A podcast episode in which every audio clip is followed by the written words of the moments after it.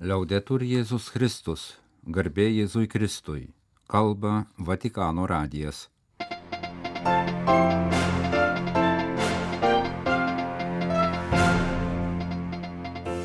Malonus klausytojai šioje šeštadienio gegužės 20-osios programoje popiežiaus audiencijos šeštadienį su vaikais iš Genujos, Monforiečiais Marijos draugijos nariais ir piligrimais iš centrinės Italijos Spolėto Norčios viskupijos.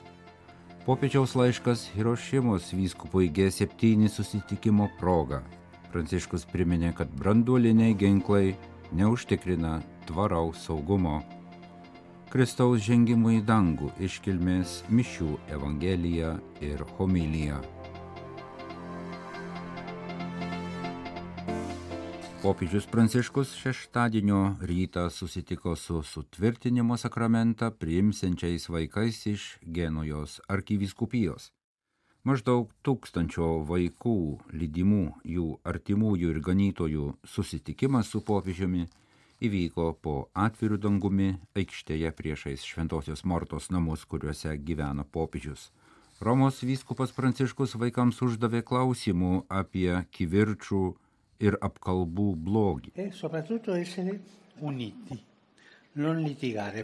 e. Eh? Svarbu būti vieningiems, nesipykti. Kas išrado ginčius? Klausė popiežius. Velnis, atsakė vaikai. Velnis nori, kad pyktumės.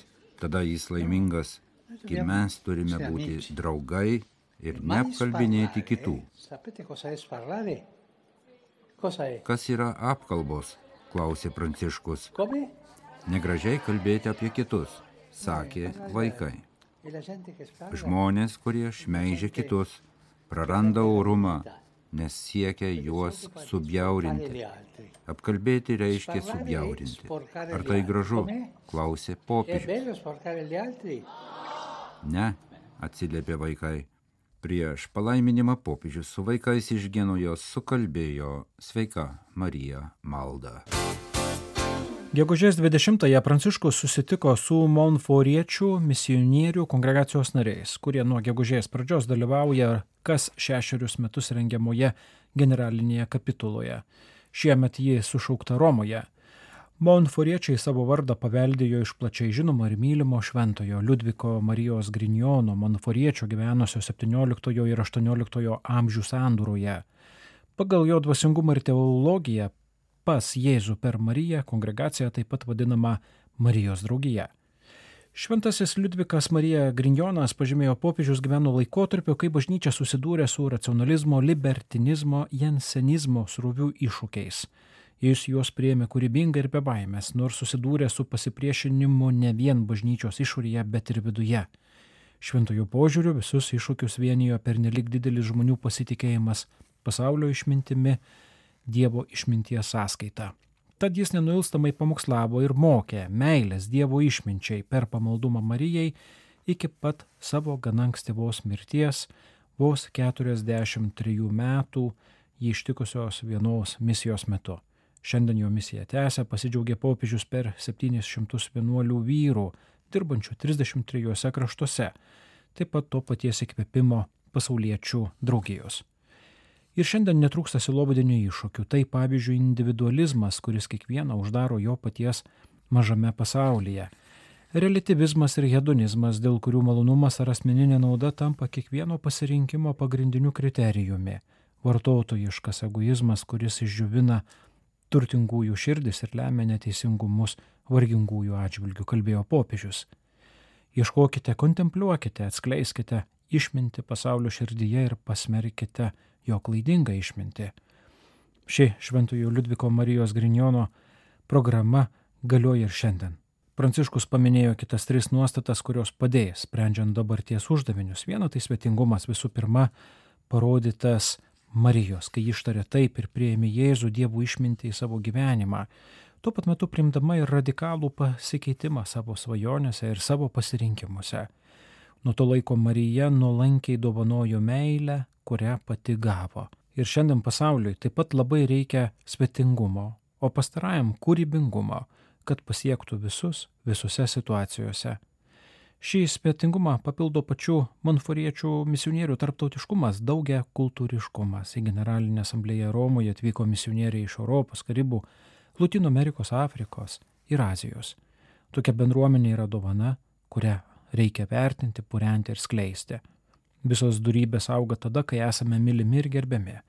Kai patys esame švelniai apkabinami Dievo motinos, taip apkabinkime ir kitus, ragino popiežius kalbėdamas apie pamatinę švelnumo nuostatą, padedančią iškelti savyje ir kitose tai, kas geriausia.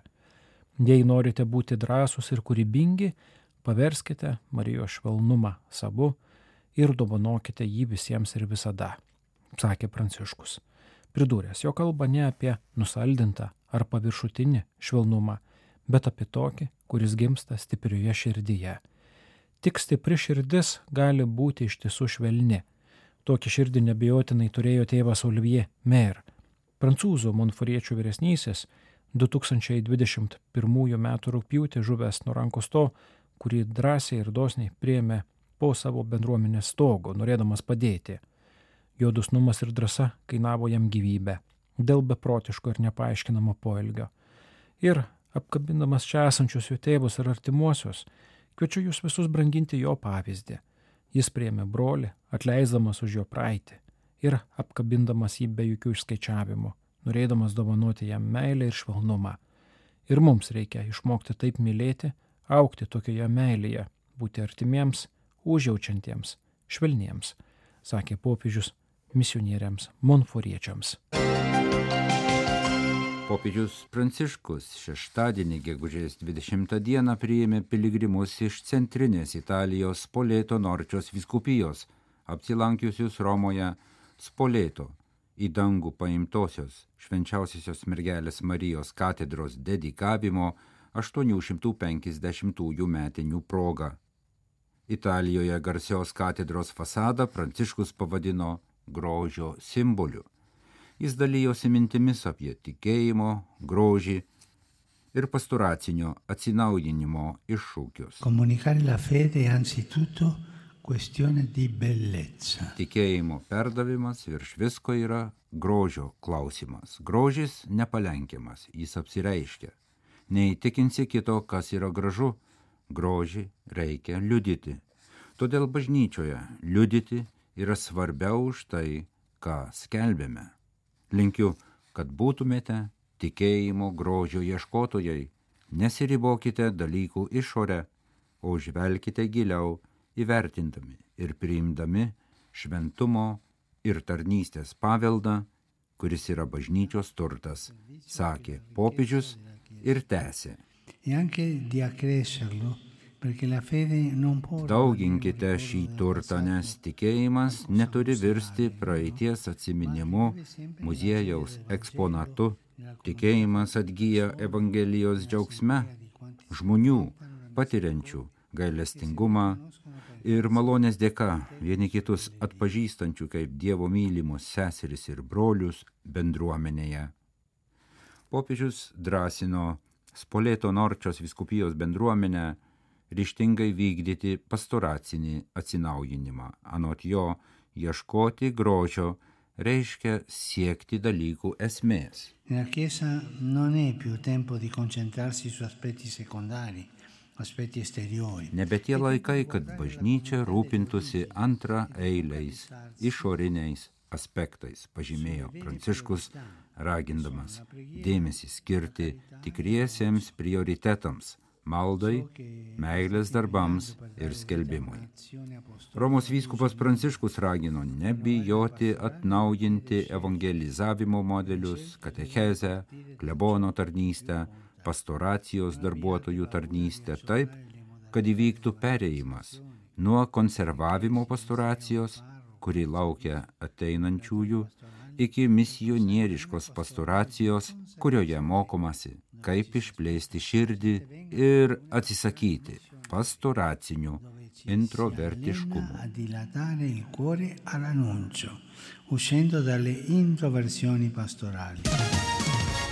Vis akivaizdžiau, kad 21-ojo amžiaus daugiapoliame pasaulyje taikos siekis yra glaudžiai susijęs su saugumo poreikiu ir veiksmingiausių jo užtikrinimo priemonių svarstymo, parašė popiežius Pranciškus Hirošimos, kurioje iki sekmadienio vyksta didžiojo septyneto susitikimas ir kur viena iš pagrindinių temų yra karas Ukrainoje.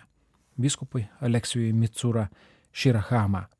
Tuo metu, kai didžiojo septyneto aukščiausiojo lygio susitikime Hirošimoje aptariami skubus klausimai, su kuriais šiuo metu susiduria pasaulio bendruomenė, noriu patikinti dėl savo dvasinio artumo ir maldos, kad šis viršūnių susitikimas būtų vaisingas, pridūrė popiežius. Pasak jo, susitikimo vietos parinkimas Hirošimoje tuo metu, kai girdimi grasinimai griebtis brandulinio ginklo yra įtin iškalbingas. Prisiminęs savo 2019 metų apsilankymą Hirošimoje giliai įsispaudusi į širdį popiežius pakartojo, jog brandulinės energijos naudojimas karui yra nusikaltimas prieš žmonių orumą ir prieš kiekvieną ateities mūsų bendruose namuose perspektyvą. Branduliniai ginklai nėra atsakas, kurio reikia nacionaliniam ir tarptautiniam saugumui. Jie maitina įtarumo ir baimės nuostatą, o jų užtikrinama taika galiausiai tai yra taikos regimybė. Globalios pandemijos pasiekmes karai pasaulyje, skaitant vykstantį Ukrainoje, kelia nerimą dėl ateities. Taikus ir saugus pasaulis turi apimti integralų saugumą - maistą ir vandenį visiems, sveikatos apsaugą, pagarbą aplinkai, energijos ir išteklių paskirstimą, daugia šališkumą ir bendradarbiavimą tarp vyriausybių ir nevyriausybinių organizacijų, pasitikėjimo ir dialogo nuostatas. Kartu su jumis meldžiu, kad didžiojo septyneto aukščiausiojo lygio susitikimas Hirošimoje pademonstruotų toleregišką viziją, padėsinčią pamatus ilgalaikiai taikai, stabiliam, ilgalaikiam ir tvariam saugumui.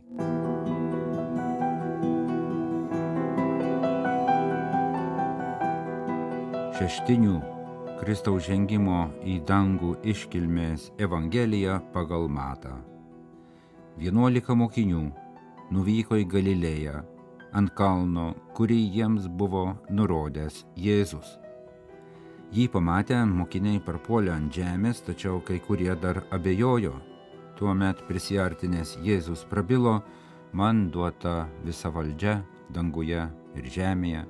Tada eikite ir padarykite mano mokiniais visų tautų žmonės, krikštydami juos vardant tėvo ir sunaus ir šventosios dvasios mokydami laikytis visko, ką tik esu jums įsakęs. Ir štai aš esu su jumis per visas dienas iki pasaulio pabaigos. Monsignoro Adolfo Grušo homilija Dangus mumise. Priartėjome prie Evangelijos knygos pabaigos. Įdomu tai, kad Matas nepasakoja apie viešpaties įžengimą į dangų, jis netgi nesako, kad Jėzus įžengė į dangų.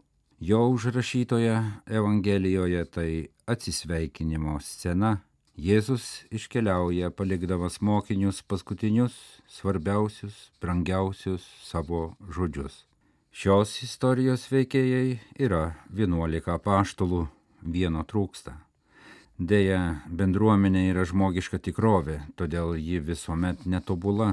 Nuodėmė ir išdavystė gali apsigyventi netgi tarptų, kurie vadina save Jėzaus draugais.